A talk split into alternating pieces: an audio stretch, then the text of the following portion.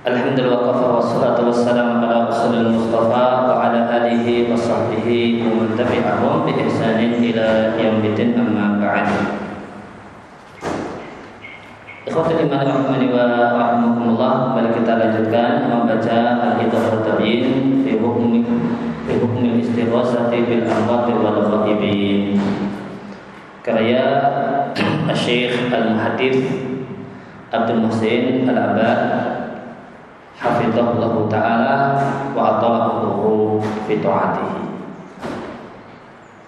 Qala musannif hafizahullah taala wa amma doa wa ashabiha adapun berdoa kepada penghuni kubur dan istighosah atau berdoa kepada penghuni kubur dan meminta agar penghuni kubur itu mengabulkan hajat dan menghilangkan kesusahan demikian juga berdoa kepada makhluk gaib. Eh, hal yang gaib makhluk halus jin malaikat atau manusia yang gaib. Itu manusia yang berada di tempat yang lain. Fawasyirkun mukhrijun min al-millah maka ini adalah kemusyrikan yang mengeluarkan dari Islam Bagaimana itu perbuatannya? Gimana orangnya? Wa man kanat hadhihi haluhu Adapun orang yang seperti ini keadaannya maka tidak boleh bermakmum di belakangnya. Dan jika dia meninggal dunia, bahwa kata dan keadaannya masih seperti itu, maka ya, seharusnya tidak dimandikan dan tidak disolatkan dan tidak dimakamkan di, di pekuburan kaum muslimin. Dan tempat kembalinya di akhirat nanti adalah masuk neraka dan kekal dalam neraka karena firman Allah Ta'ala. Inama yusyrik billah siapa yang menyekutukan Allah semacam berdoa minta kepada orang yang sudah mati maka Allah haramkan surga untuknya dan tempatnya dalam neraka dan tidak ada penolong bagi orang-orang yang zalim. Ya, maka ditegaskan kekal di dalam neraka ini berlaku untuk wahada hukuman komat alil hujah. Berlaku pada pada orang yang dakwah itu dakwah tauhid telah sampai padanya. Wa amma malam takum alaihi adapun orang yang dakwah itu belum sampai padanya.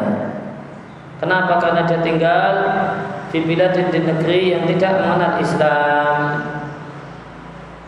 Ila anu al fi salihin akan tetapi namun sikap boleh berlebihan kepada orang saleh dan istighosah berdoa pada orang yang saleh meminta pada orang yang saleh itu dia lakukan. Kenapa? Muhtaban bi asbahil ulama bi asbahil ulama. Tertipu terkecoh dengan orang-orang yang semi ulama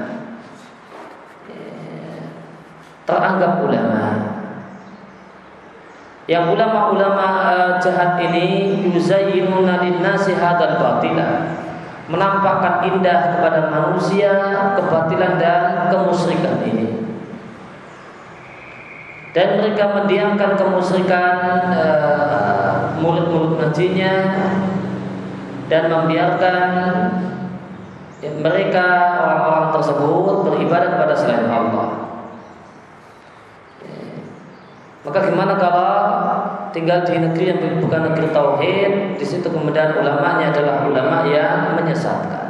Sebenarnya ulamanya ngerti, namun membiarkan e, membiarkan kemusyrikan bahkan yuzayyin mengatakan itu satu hal yang bagus, satu hal yang baik. Maka orang ini tidak tinggal di negeri kafir, cuma tinggal di negeri yang layak al Islam, tidak mengenal tauhid. Banyak ulama, banyak kiai, namun kiainya kiai yang yuzayyin al-batil, menampakkan indah kebatilan dan kesesatan.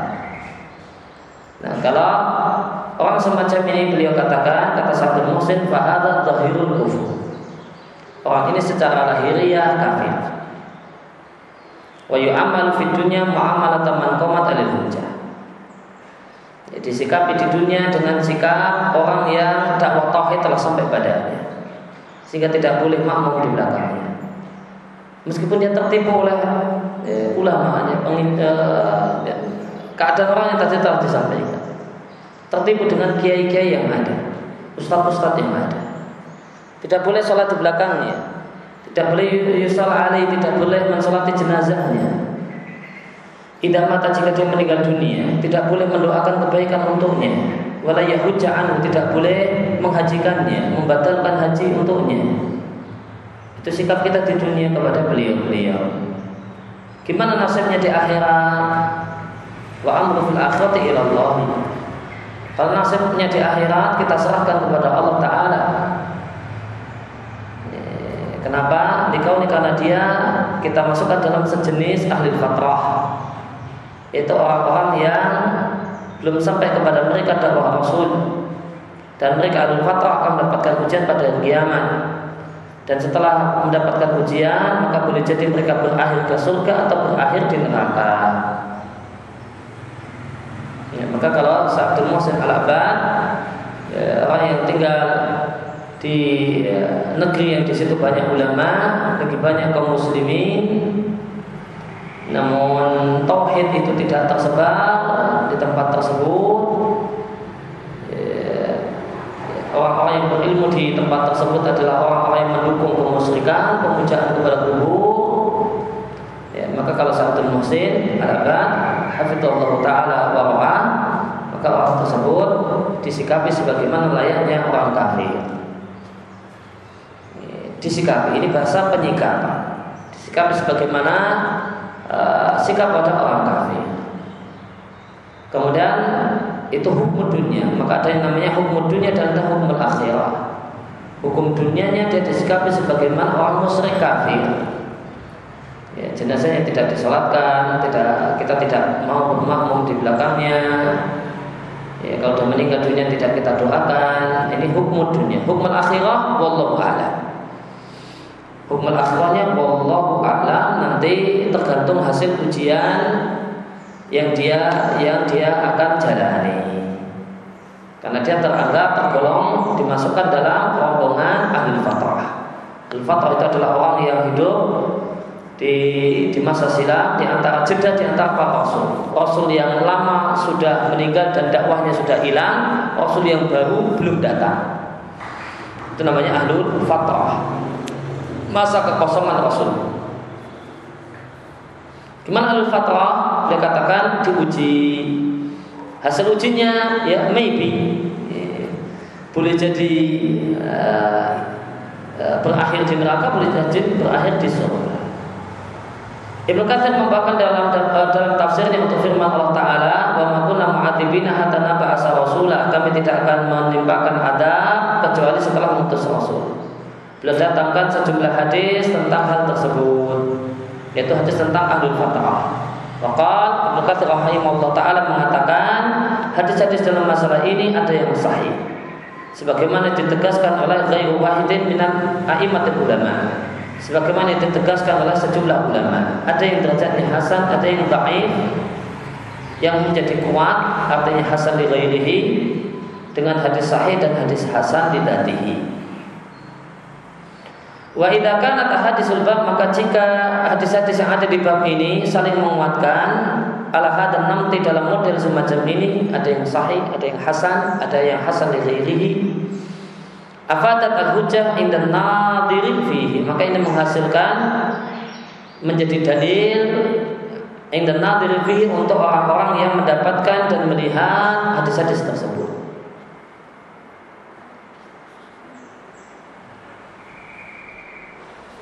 Ya, kemudian wa amma mengkana adapun meminta kepada manusia dan orangnya hadir bersama kita. Atau fi hukmil hadir teranggap hadir karena ngomongnya bil hati pakai telepon. Maka meminta kepadanya dan minta tolong kepadanya dalam apa yang mampu dia wujudkan.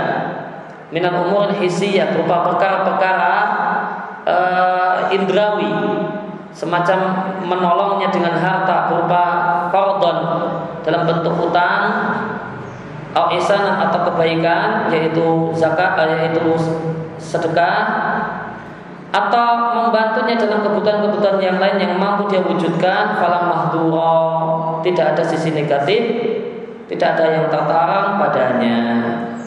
Dalilnya sebagaimana firman Allah azza wajalla tentang Musa min syi'atihi. Maka minta tolonglah Allah min sya'atihi yang berasal dari kelompoknya Musa yaitu Bani Israel. Minta tolong kepada Musa untuk mengalahkan alladzi min aduwihi orang yang jadi musuhnya yaitu penduduk Mesir yang asli orang Kipti.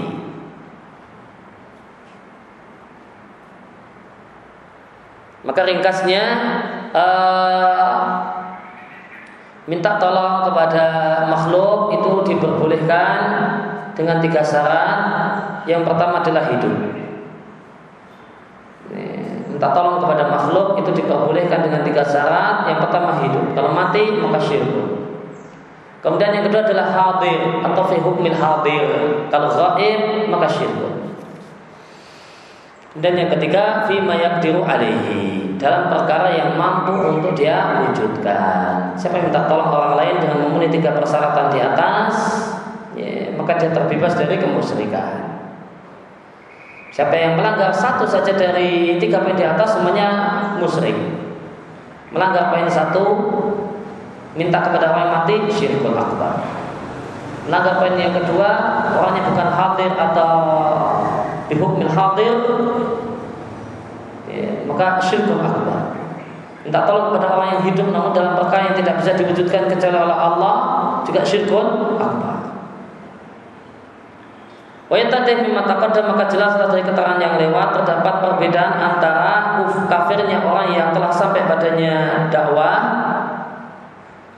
eh, dan tempat kembali orang tersebut dalam neraka dan kekal dalam neraka dengan orang yang dakwah itu belum sampai kepada orangnya. Maka kalau dakwah itu belum sampai kepada orangnya, maka dia kafirnya sebagaimana kafir alil fatrah. Alil fatrah kita katakan kafir tidak kita katakan mukmin meskipun belum ada dakwah pada mereka. Meskipun belum ada dakwah pada mereka. Dakwah Rasul yang sebelumnya itu sudah hilang, bekas-bekasnya sudah tidak lagi berbekas. Dakwah Rasul yang baru belum ada karena Rasulnya belum datang. Sama sekali tidak tersentuh dakwah. Apa statusnya dalam Islam? Kafir di dunia.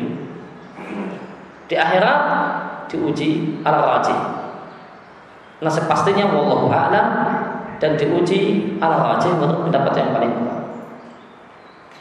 Maka seperti ahli fatrah wa man fi dan orang yang semisal mereka Siapa yang semisal dengan ahli fatrah kata Sabdul Muhsin orang yang semisal dengan ahli fatrah adalah orang yang nasya'u tumbuh besar alal hulu di atas sikap berlebihan terhadap orang saleh berdoa kepada orang saleh tidak mengenal Islam Illa annahu hadal amal, illa annahu hadal amal akan tetapi perbuatan ini adalah dilakukan dilakukan karena meneladani orang-orang yang semi ulama yang menyesatkan mereka.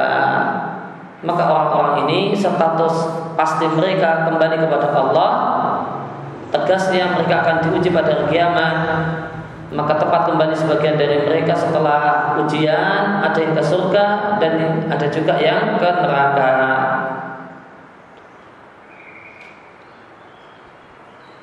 Wa mimma dan di antara hal yang memperjelas musibah yang menimpa orang awam sebabnya karena terkecoh dan mengikuti semi ulama adanya seorang yang ada ada syekhon kabiran ada ulama besar di negerinya lau makana yang memiliki kedudukan marfuqah yang mulia ternyata dia menulis satu buku tentang Said Badawi. Said Badawi adalah kubur orang yang dianggap ulama uh, wali di Mesir di satu kota namanya Tonto di Mesir.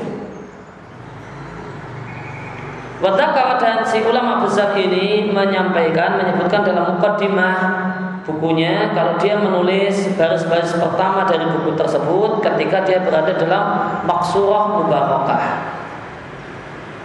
Maksurah itu bangunan Iya, bangunan keliling. Jadi kubur tersebut ada bangunan kelilingnya, ada bangunannya, ada kamarnya. Nah dia di dalam kamar tersebut nulis mukadimah ya, baris-baris awal dari bukunya.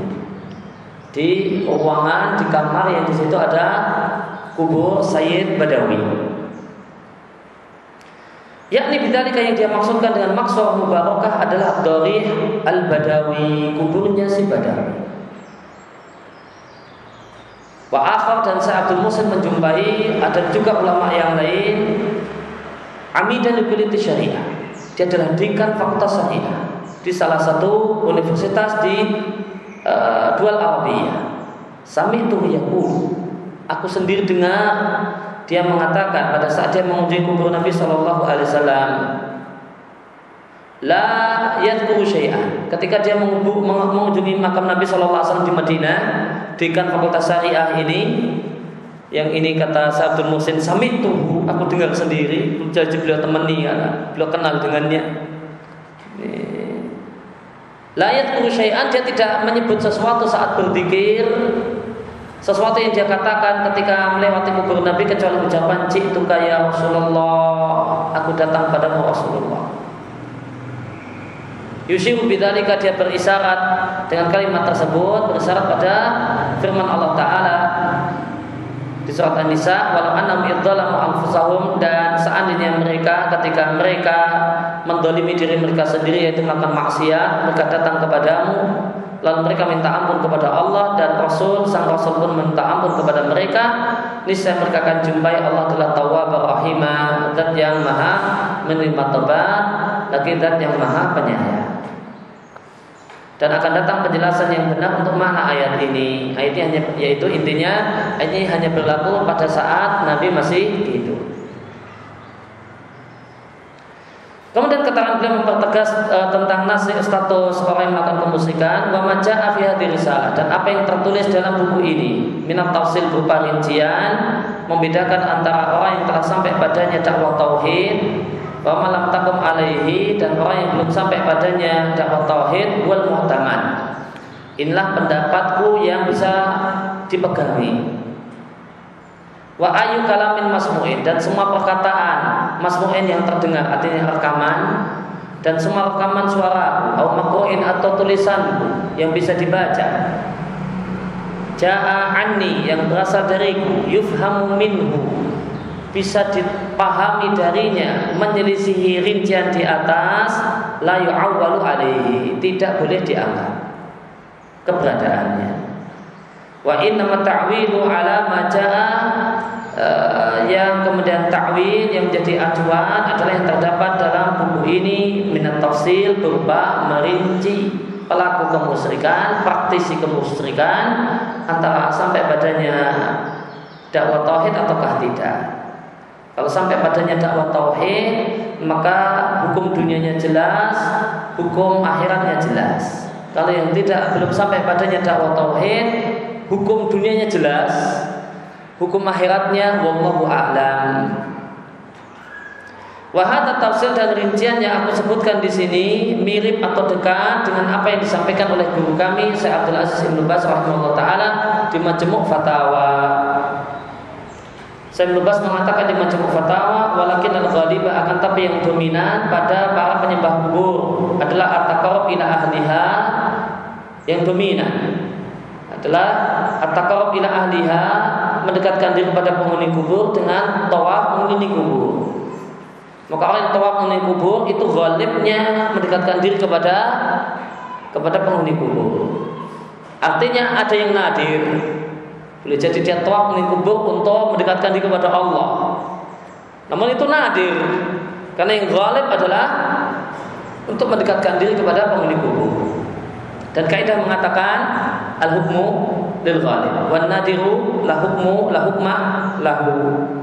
Hukum itu diberikan kepada yang dominan kalau langkah terjadi dianggap tidak ada.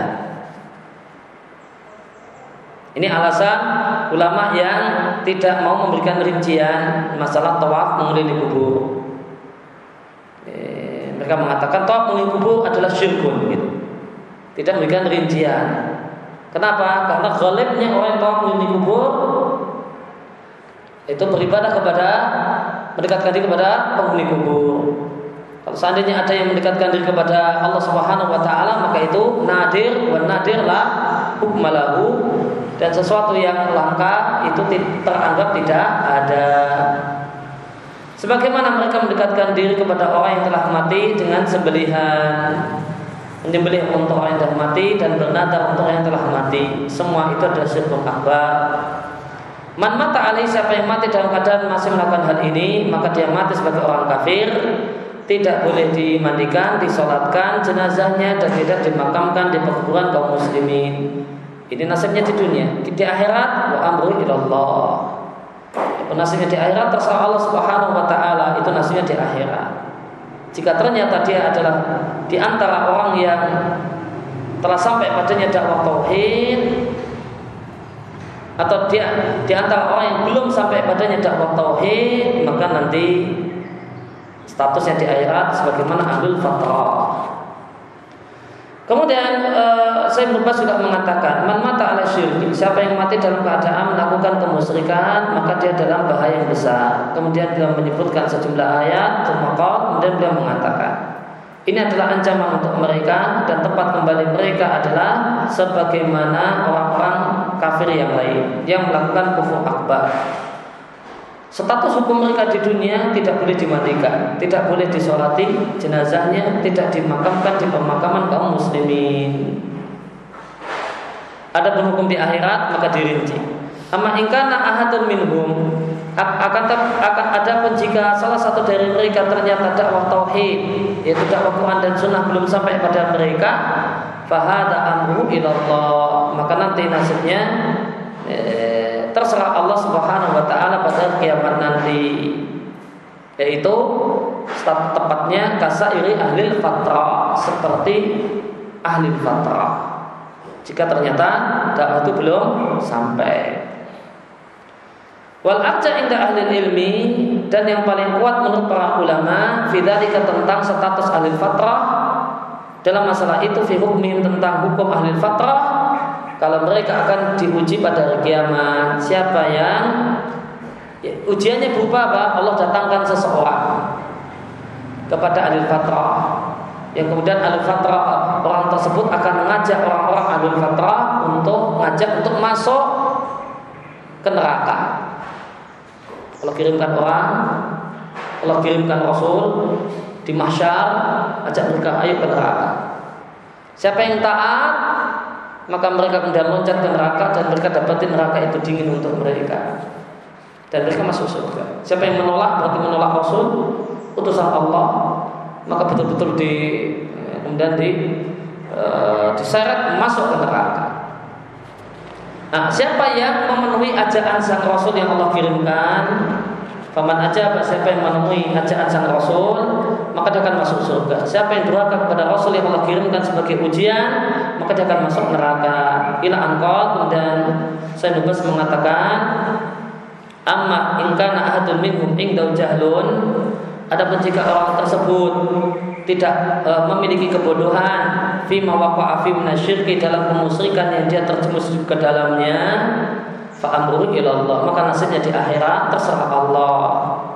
Sedangkan di dunia Berkenaan dengan masalah sikap Masalah sembelihan Masalah sholat berjamaah Wal hukmu ala zahir Adapun di dunia Maka melihat lahiriah keadaan dia. Maka siapa saja kata saya Ibnu Bas Yang zahirnya adalah musyrik Maka hukumnya sebagaimana orang musyrik. Adapun di akhirat amruhu ila Allah jalla wa ala alladhi ya'lamu kulla syai'in subhanahu wa ta'ala. Dan nasibnya di akhirat terserah kepada Allah jalla wa ala dialah yang maha mengetahui segala sesuatu. Pokoknya ada terdapat dari Syekh Abdul Aziz bin Bas rahimahullah taala sejumlah fatwa yang sangat banyak yang itlaqul qaul yang berkata secara mutlak kafirnya orang yang berdoa kepada selain Allah berdoa kepada orang yang sudah mati atau orang yang gaib. Dan perkataan Ibnu Bas yang saya bawakan di sini membedakan antara orang yang hujah telah sampai padanya dan yang hujah belum sampai kepadanya. Fayuman maka dimaknai perkataan-perkataan beliau Allah dikafar fihi yang mengkafirkan ya, yang mengkafirkan orang yang berdoa kepada selain Allah itu dimaknai untuk orang yang hujah telah sampai kepadanya. Maka itu dimaknai sebagai kekafiran yang nyata, yang jelas, yang tempat kembali pelakunya adalah ke neraka dan kekal di dalamnya. Wadalika bikhilafi dan ini berbeda dengan orang yang hujah belum sampai badannya, namun zahir lahiriah keadaannya adalah kafir. maka disikapi di dunia sebagaimana sikap kepada orang kafir. Adapun maaf tempat kembali mereka mereka di akhirat itu adalah setelah ujian boleh jadi ke surga boleh jadi ke neraka. Wabidalika dengan rincian semacam ini maka kita kompromikan fatwa-fatwa yang berasal dari Sayyid Nubas minat ijma yang di sebagian fatwanya global memberikan vonis kafir secara mutlak dan yang memberikan rincian. Ya, kesimpulannya yang dikatakan oleh Syekh Abdul Muhsin di sini sama dengan apa yang dikatakan oleh Syekh Bas. Ya, bahasanya pelaku kemusyrikan uh, yang berdoa dan minta-minta kepada selain Allah Subhanahu wa taala yang dohirnya adalah melakukan kemusyrikan di dunia disikapi sebagai orang yang musyrik. Ada penasihatnya di akhirat maka dirinci. Jika di dunia dia sudah telah sampai padanya hujan, maka di akhirat kekal di neraka. Dan jika kemudian uh, di dunia kita tidak tahu, eh, jika tidak tahu, ya maka sikap sebagai orang musik tetap iya. Adapun status hukumnya di akhirat, maka Allah yang lebih tahu. Jika ternyata berdasarkan ilmu Allah hujan telah sampai, maka berarti neraka tempat kembalinya. Kalau berdasarkan ilmu Allah ternyata hujan belum sampai, maka berarti nasibnya sebagaimana ahlul fatrah yang akan mendapatkan ujian. Kemudian kena dengan ayat yang tadi kita kutip, kalau annahum idzalamu anfusahum ja'uka fastaghfirullah wastaghfara lahum rasul lawajatullaha tawwaba rahimah maka ayat ini Falisal muradu bihi maka bukan yang dimaksudkan datang ke kuburan Nabi Shallallahu Alaihi Wasallam setelah wafat beliau. Namun yang dimaksudkan adalah datang kepada pribadi Nabi ketika beliau masih hidup. Sebagaimana demikianlah pemahaman para sahabat. Dan aku telah jelaskan hal ini dalam uh, Sabdul Musa telah menjelaskan dalam kitab yang beliau tulis sebelum menulis buku ini yaitu kitab yang judulnya Ahamiyatul Tauhidul Ibadah. Bikauli aku sampaikan di sana Para penghuni kubur mereka diziarahi dan didoakan kebaikan untuk mereka wala dan tidak dimintai. Wa itlabu minallahi lahum namun kita minta kepada Allah agar Allah memberikan kebaikan kepada mereka. Wa yutlabu minhum syai'un. Kita tidak boleh meminta apa pun kepada orang yang sudah mati. Tidak boleh meminta doa, minta syafaat, minta diberi manfaat atau dicegah bahaya. Itu semua hanya dimintakan kepada Allah. Karena Allah Subhanahu wa taala itulah yang dimintai, yang diharap. Adapun selain Allah, kita doakan kebaikan untuknya dan dan tidak kita mintai. Dalilnya adalah para sahabat Rasulullah Shallallahu Alaihi Wasallam. Mereka ketika Nabi hidup, mereka minta doa kepada Nabi. Lalu Nabi mendoakan mereka. Wabakta mautihi setelah wafatnya Nabi Shallallahu Alaihi Wasallam,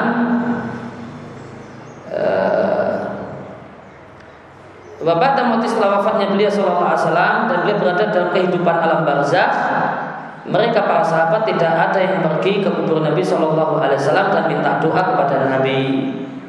Buktinya, melihat oleh karena itu, lama tatkala hasolat terjadi ajadbu kemarau panjang di zaman Umar Ibnu Khattab radhiallahu anhu ada satu tahun paceklik parah di Madinah ketika itu eh,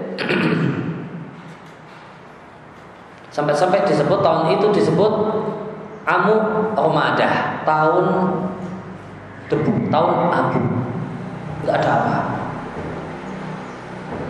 Maka istasqa bil Abbas, maka Umar meminta hujan melalui paman Nabi Al Abbas. Umar meminta minhu doa, minta doa kepada paman Nabi Al Abbas, sebagaimana dia oleh Bukhari dalam sahihnya. Dari Anas Anas mengatakan bahasa Umar bin Khattab jika terjadi kemarau panjang minta hujan lewat Abbas bin Abdul Muttalib. Fakal maka Umar berdoa kemudian Abbas berdoa. Giliran pertama Umar berdoa doanya Allahumma ya Allah Inna kunna dulu kami bertawasul kepadamu dengan Nabi kami dan kau hujan kepada kami. Bertawasul di sini maknanya adalah minta doa. Kami minta doa kepada Nabi kami dan kau berikan hujan. Dan sekarang kami bertawasul kepadamu dengan paman Nabi kami. Tawasul di sini artinya minta doa. Fasqina maka berilah hujan kepada kami. Qal kata Anas fayusqauna maka mereka pun diberi hujan. Walau kan maka seandainya minta doa kepada Nabi Shallallahu Alaihi Wasallam pada mauti setelah Nabi meninggal dunia itu sa'iran satu yang boleh lama tentu tidaklah Umar berpaling eh, darinya kemudian malah memilih meminta doa kepada Abbas. Bukti uh, maka Umar memilih untuk mintanya sama Abbas yang masih hidup. Itu adalah bukti kalau dalam pemahaman para sahabat setelah Nabi wafat, kita tidak bisa lagi minta doa kepada Nabi. Oleh karena itu minta doanya berpindah kepada paman Nabi Abbas. Terdapat dalam Fathul Bari perkataan Al-Hafidh Ibnu Hajar Al Asqalani diriatkan oleh Ibnu Abi Syaibah dengan sanad yang sahih dari Abu Saleh yang nama aslinya adalah uh, yang digelar dengan Saman karena pekerjaannya penjual air dan penjual minyak samin. An Malik ada dan Malik ada dan dia adalah Khazin Umar ya, adalah pembantunya Umar yang bertugas untuk menjaga kuda. Kalau dia mengatakan manusia tertimpa ke kemarau panjang di masa Umar. Rajulun maka ada seorang yang datang kepada kubur Nabi Shallallahu alaihi wasallam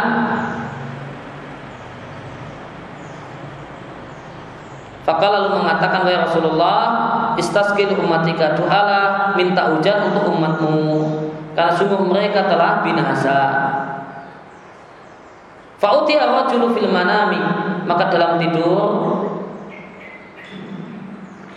didatangkanlah orang tersebut. Orang tersebut mimpi faqilalahu maka dikatakan kepadanya saat mimpi tersebut ikti Umar datanglah kepada Umar al-hadisah Waqat dilihatkan oleh Saif dalam Al-Futuh Anna ladhi al manama al madhkura bahasanya yang melihat mimpi yang disebutkan adalah Bilal ibn Haris al-Muzani ahadu sahabat salah satu sahabat. Ya.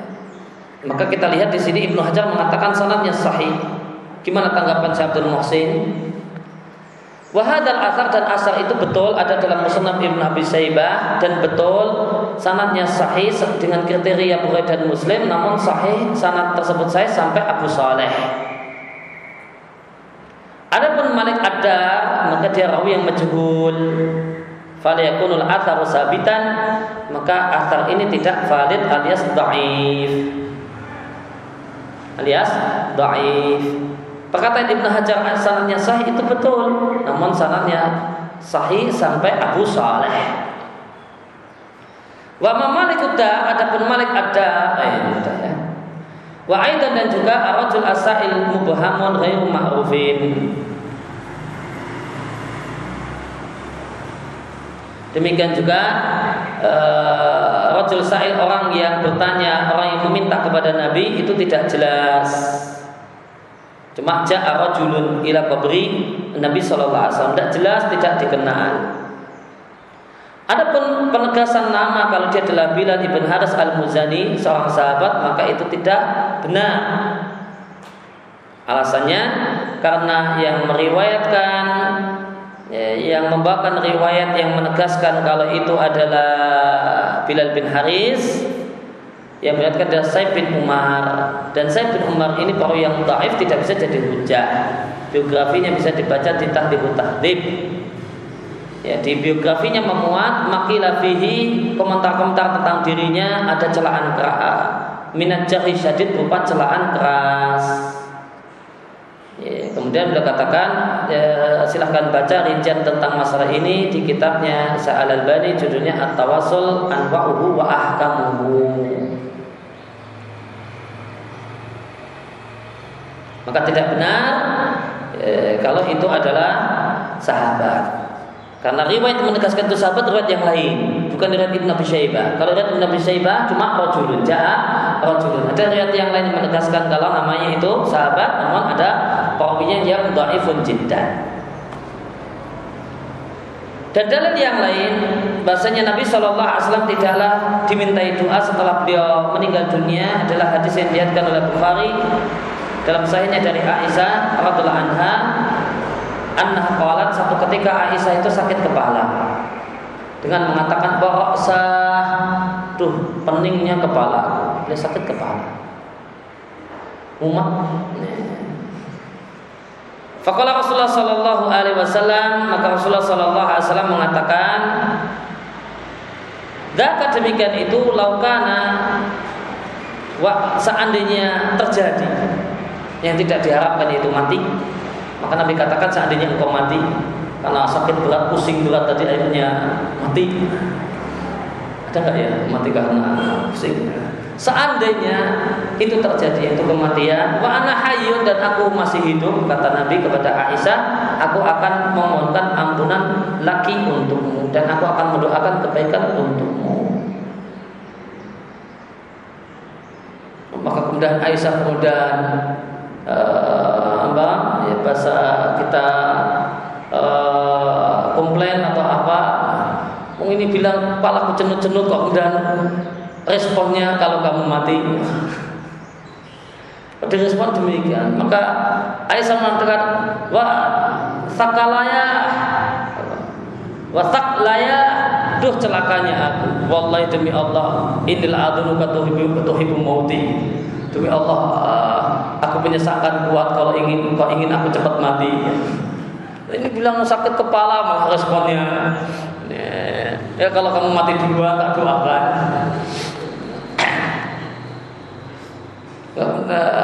maka kemudian uh, Aisyah kemudian komplain dengan respon Nabi tadi.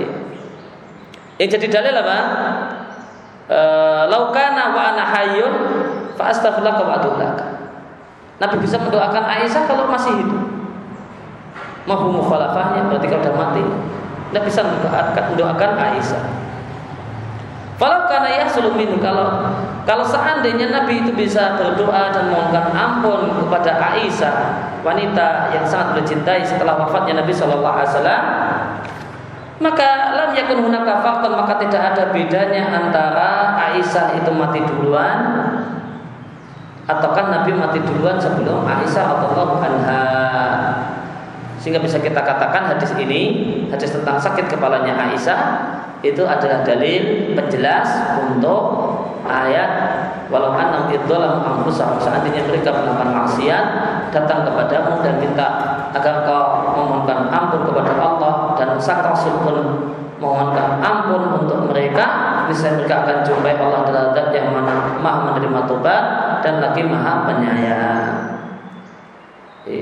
e, maka penjelas untuk hadis ini untuk ayat ini adalah hadis sakit kepalanya Aisyah ditambah tawasulnya Umar dengan Al Abbas. Seandainya mah bisa minta doa kepada Nabi ya. Umar tentu minta doa kepada e, datang ke kubur Nabi dan minta doa, tidak kemudian malah e, minta kepada orang yang doanya levelnya di bawah kualitas doa Nabi itu Abbas. Sehingga anal maji ilaihi datang kepada Nabi dan mendapatkan doa eh, doa ampunan dari Nabi dan didoakan oleh Nabi itu hanya terjadi ketika Nabi masih hidup dan tidak terjadi setelah matinya Nabi Shallallahu Alaihi Wasallam dan hadis itu menjelaskan Al-Quran, menjelaskan dan menjelaskannya. Kemudian maka dengan uh, wa as'alullah azza wa jal ayuwafiqal muslimin lil fiqhi fi. Kita memohon kepada Allah azza wa jal untuk memberikan taufik kepada kaum muslimin lil fiqhi untuk faham tentang agama mereka uh, tentang tauhid dan tegak di atas kebenaran yang terdapat dalam kitab mereka dan sunnah nabi mereka dan semoga Allah berikan hidayah kepada orang-orang yang tersesat dari kaum muslimin dan memberikan bimbingan kepada orang-orang yang bingung. Inna subhanahu wa ta'ala jawadun karim. Sehingga Allah subhanahu wa ta'ala itu adalah zat yang maha pemurah dan pemurah.